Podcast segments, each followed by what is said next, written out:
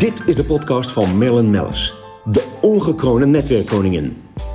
Hierin spreekt zij inspiratievolle ondernemers uit Founders Carbon Network.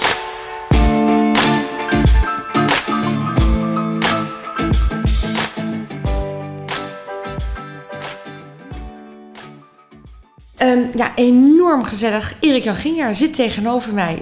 Ja, algemeen directeur, Postillon Hotels. Leuk om hier te zijn. Fijn ook. Heerlijk. Ik, ik geniet altijd van je aanwezigheid eh, eh, tijdens uh, ja, onze Founders Carbon Network events, de reizen, et cetera.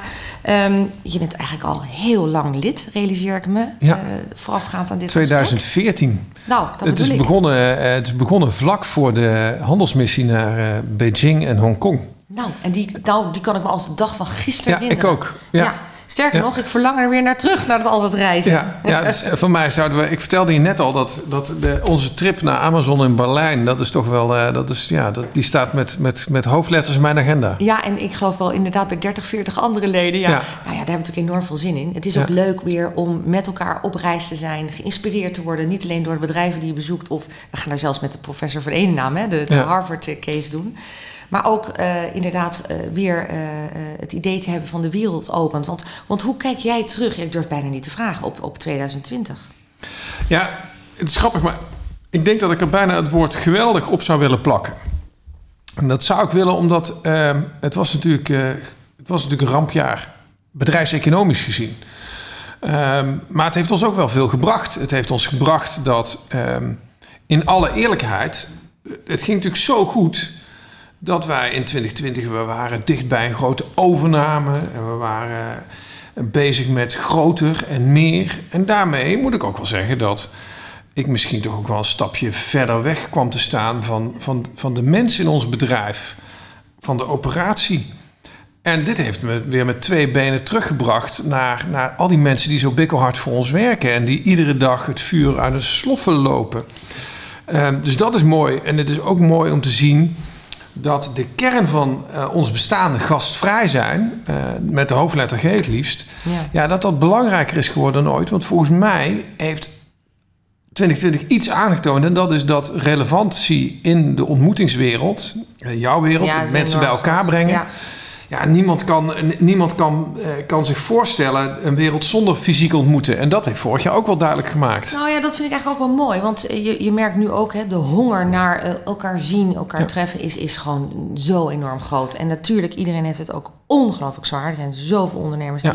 die, die nu, zeker nu met deze lockdown in, in januari, ook het heel zwaar hebben en nog weer inderdaad hun reserves aan moeten, aan moeten bereiken. Ehm, maar, Maar in dat- ehm, in dat maar goed, je komt dus inderdaad, je komt ja. dus dichter bij je, jij, mensen, Ja. dichter bij je eigen organisatie. Dat Ja. is ook inderdaad heel mooi. Maar ik denk dat dat iedereen ook wel heeft, heeft eh, gezien. En Want wij natuurlijk een jaar lang hebben wij jou mogen volgen. Ehm, ik sprak eh, van de week een aantal mensen die zeiden... Erik Jan Ginjaar, jij hebt- is echt het boegbeeld en voor mij het voorbeeld. En ik denk dat het toch leuk is om even te noemen. Jij hebt echt een aantal mensen met jouw positiviteit... en het zoeken naar waar wel de mogelijkheden liggen... echt een heel stuk door die coronatijd heen getrokken. En we hebben, zitten natuurlijk nog midden in de crisis en we, we moeten nog een heel stuk... maar er is nu wel licht aan het eind van de tunnel.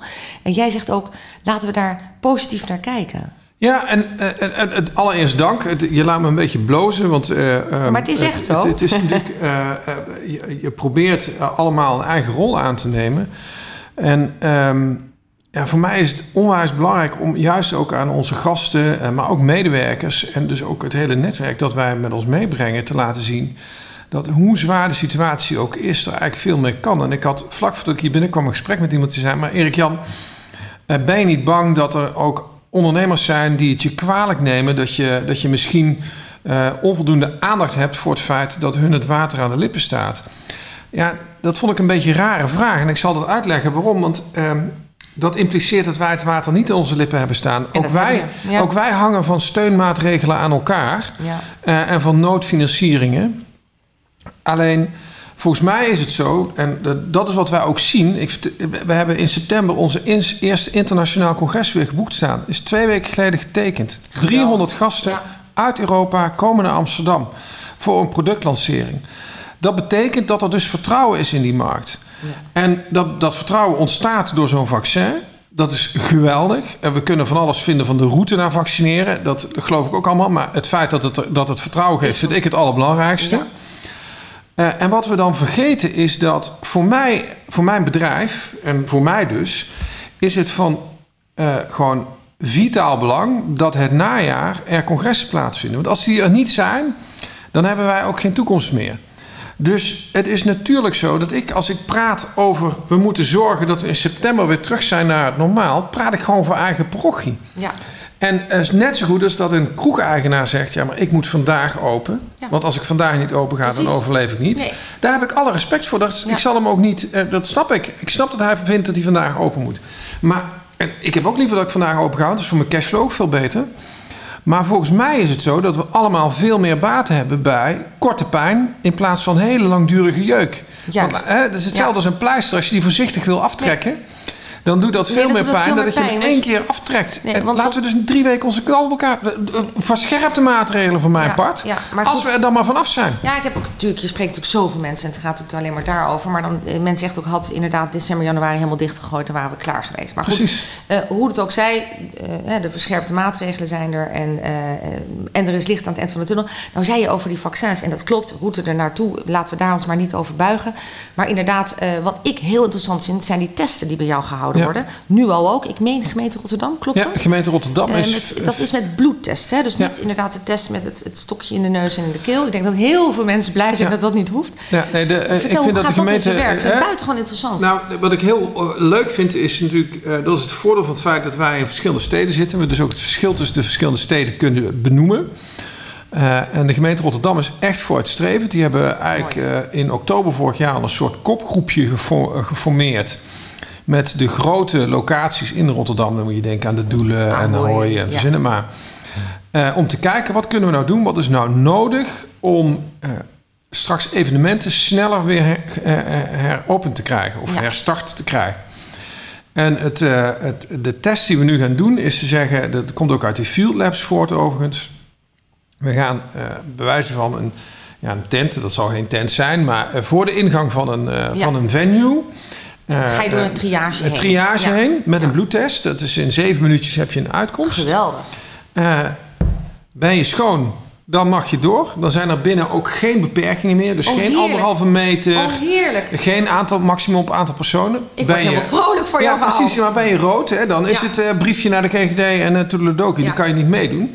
Deze mensen worden dadelijk dan ook twee weken gevolgd... om te kijken of er niet een grotere besmettingshaard ontstaat. Precies, ja. En als dat niet zo is, dan is dit natuurlijk de ticket... Het bewijs. het bewijs dat je dat op die manier kan Ja. doen. Concerten, En- alles. Ja, Theaters. en dat ja. vraagt van de organisatoren en locaties een investering, want zo'n test is niet goedkoop. Maar ik heb ook gezegd, vanuit mijn optiek, ja, ik heb nu niks. Dus als ik de helft van zo'n test moet betalen, ja, dan betaal ik die met liefde, En want dan gebeurt er weer wat. De klant heeft er ook echt geen moeite mee. Want wij hunkeren naar er weer op uit mogen. Of En naar gewoon, moet je nou eens voorstellen dat jij gewoon een nieuwjaarsbijeenkomst op deze manier zou kunnen organiseren voor jouw leden. Ja. Ik weet zeker dat de leden, eh, waar ik ook toe Iedereen behoor, met liefde een eh, paar tientjes neerleggen Ja. voor zo'n sneltest. Ja. Als ze dan maar naar binnen kunnen. Ja, nee, dat is inderdaad, oh, dat is evident inderdaad. Ja, je leest natuurlijk wel eens eh, links en rechts dat ze al wel wat aan het testen zijn. Ehm, in Amsterdam loopt daar denk ik dan toch iets in achter.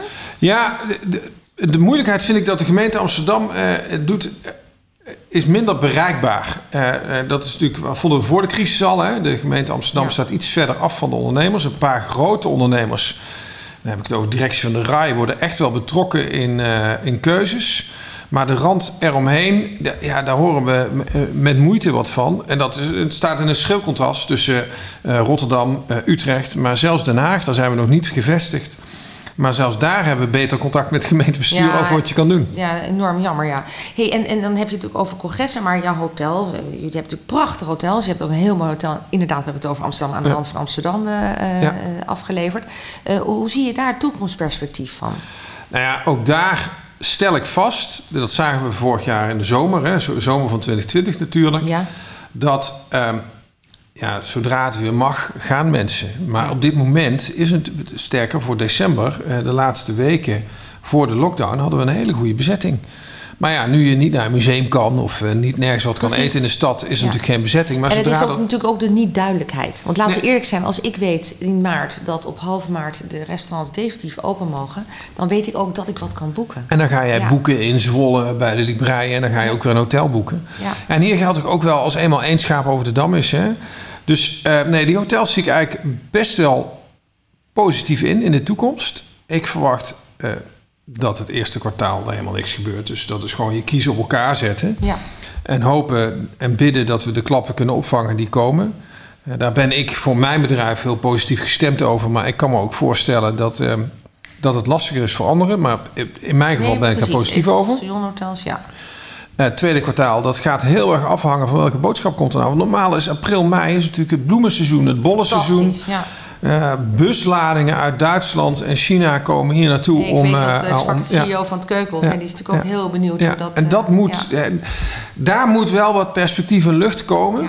Het zou fantastisch zijn, maar ook dat, als dat niet gebeurt, dan is het geen wereldramp. Is het voor ons niet het einde. Dat, dat komt echt wel in zicht als we in het najaar niet kunnen doen wat we, wat we zouden moeten doen. Ja. Nou ja, goed, dat is uh, evident inderdaad. Nou ja, we hebben in ieder geval een enorm leuke reis uh, voor de boeg naar ja. Amazon. Maar er komen ja. nog veel meer reizen ja. aan binnen het netwerk. Daar verheug ik me enorm op. Um, ik had heel toevallig, uh, sprak ik gisteren de ambassadeur van Pakistan. Ik denk, ja, waarom Pakistan? Maar goed, dat, dat grenst aan India. En we gaan ook nog naar Kuala Lumpur. Ik denk, god, dat ligt allemaal ook niet zo ver bij elkaar vandaan. dacht ik, oh, heerlijk. Hè? Je wil ook weer dat mensen vanuit het Verre Oosten en het Midden-Oosten ook weer hier naartoe komen. En dat laatste, dat zie ik moeizaam inderdaad op gang komen. Mits, ja, uh, mits wij inderdaad wat meer duidelijkheid krijgen ook in, in Europa. Nou, en ik denk, we moeten ook niet vergeten dat het, dat het internationale politieke landschap natuurlijk na 20 januari ook weer wat verandert. Ja. En uh, ik heb ook hier geen mening over of Trump nou wel of niet een goede president was. Uh, maar waar ik wel een mening over heb, is dat de um, misschien wel wat saaie Biden in ieder geval stabieler gaat zijn voor het, het, het, de, de reiswereld. En minder snel zal besluiten ja. om zomaar reisbeperkingen op te leggen. Die man is daar, gaat daar, neem ik aan, weer wat uh, coulanter mee om. Coulanter ja. mee om. Kijken we naar de andere kant, kijken we naar Rusland. Ja. Uh, natuurlijk, we hebben, het Westen moet in eerste Ja. instantie zich openzetten voor Rusland en gooien zij zich ook open. Ja. Er is zelfs, hoorde ik in de wandelganger, maar dat wordt pas eh, in maart bekend, inderdaad voor de EK. Hè, of dat inderdaad in één land gaat plaatsvinden, Rusland dan, in plaats van de, door Europa heen. Omdat wij met de landen allemaal onze eigen beperkingen hebben. Ja, het mag natuurlijk duidelijk zijn dat ik hoop dat het gewoon een, Ja, een, natuurlijk. een, een, een reizend circus wordt. Want in Amsterdam zou dat fantastisch zijn. Ja. En ik denk ook dat dat in de zomer prima zou moeten kunnen. Ja, nou ja, dat, dat is wat ik bedoel. Hè. Laten we dan inderdaad Europees denken en het met elkaar goed afspreken van Ja. tevoren. Goh, Ja. wat leuk. Hé, Erik Jan, helemaal leuk om met jou eh, bij te spreken. Ja. Ehm, ja, we, we eindigen altijd, we zitten alweer eh, over de tijd heen. Maar ehm, we- ja, ik eindig altijd heel graag met: heb je nog een, een, een les voor de ondernemer of, of iets wat je nog kwijt wil? Een les klinkt alsof ik de wijze in een pacht heb. Nou dat is niet zo. Maar als ik, als ik, ja, als, precies, als, als, ik terugkijk naar wat ik eh, absoluut eh, meeneem, en dat is per toeval dat dat gebeurd is. Eh, maar wij hebben afgelopen jaar, en we blijven dat ook doen de komende periode, eh, iedere keer in alle eerlijkheid naar onze gasten en medewerkers gecommuniceerd. Dus in die filmpjes die we iedere keer na een persconferentie online zetten, vertellen we ook eerlijk wat er wel of wat er niet kan. Ja, en hoe je je eronder En- voelt. en hoe we ook, eronder- ja, ook heel precies. persoonlijk, de boodschap. Precies heel dat. mooi. En eh, we hebben dus ervaren dat die transparantie, eh, dat ons dat heel veel gebracht heeft. Ja. En eh, dat is eigenlijk helemaal niet ondernemer eigen. Hè? Want we zijn eigenlijk, we vertellen vooral niet hoe het met ons gaat. En al helemaal niet met ons bedrijf. Ehm, eh, is mijn tip dat eh, deze transparantie je juist ontzettend veel brengt. En dat je er ontzettend veel van eh, kan leren. Omdat je heel veel terugkrijgt van gasten en medewerkers. Eh, en relaties. Maar dat zou mijn tip zijn. Ja, mooi. Nou, dan gaan wij mee besluiten. Enorm veel dank voor je komst. Ik heb genoten. Ja, even bedankt dat ik hier mocht zijn. En zo ja. fijn om je weer even in de ogen gekeken te Ja, hebben. heerlijk. En dat nog steeds op anderhalve meter, maar dat gaat snel veranderen. Dat weet ik Dankjewel, zeker. Erik Jaginjaar. Wij zijn te volgen op Spotify en op Soundcloud uiteraard. En eh, nou ja, volg ons voor, eh, voor allemaal mooie, interessante podcasts.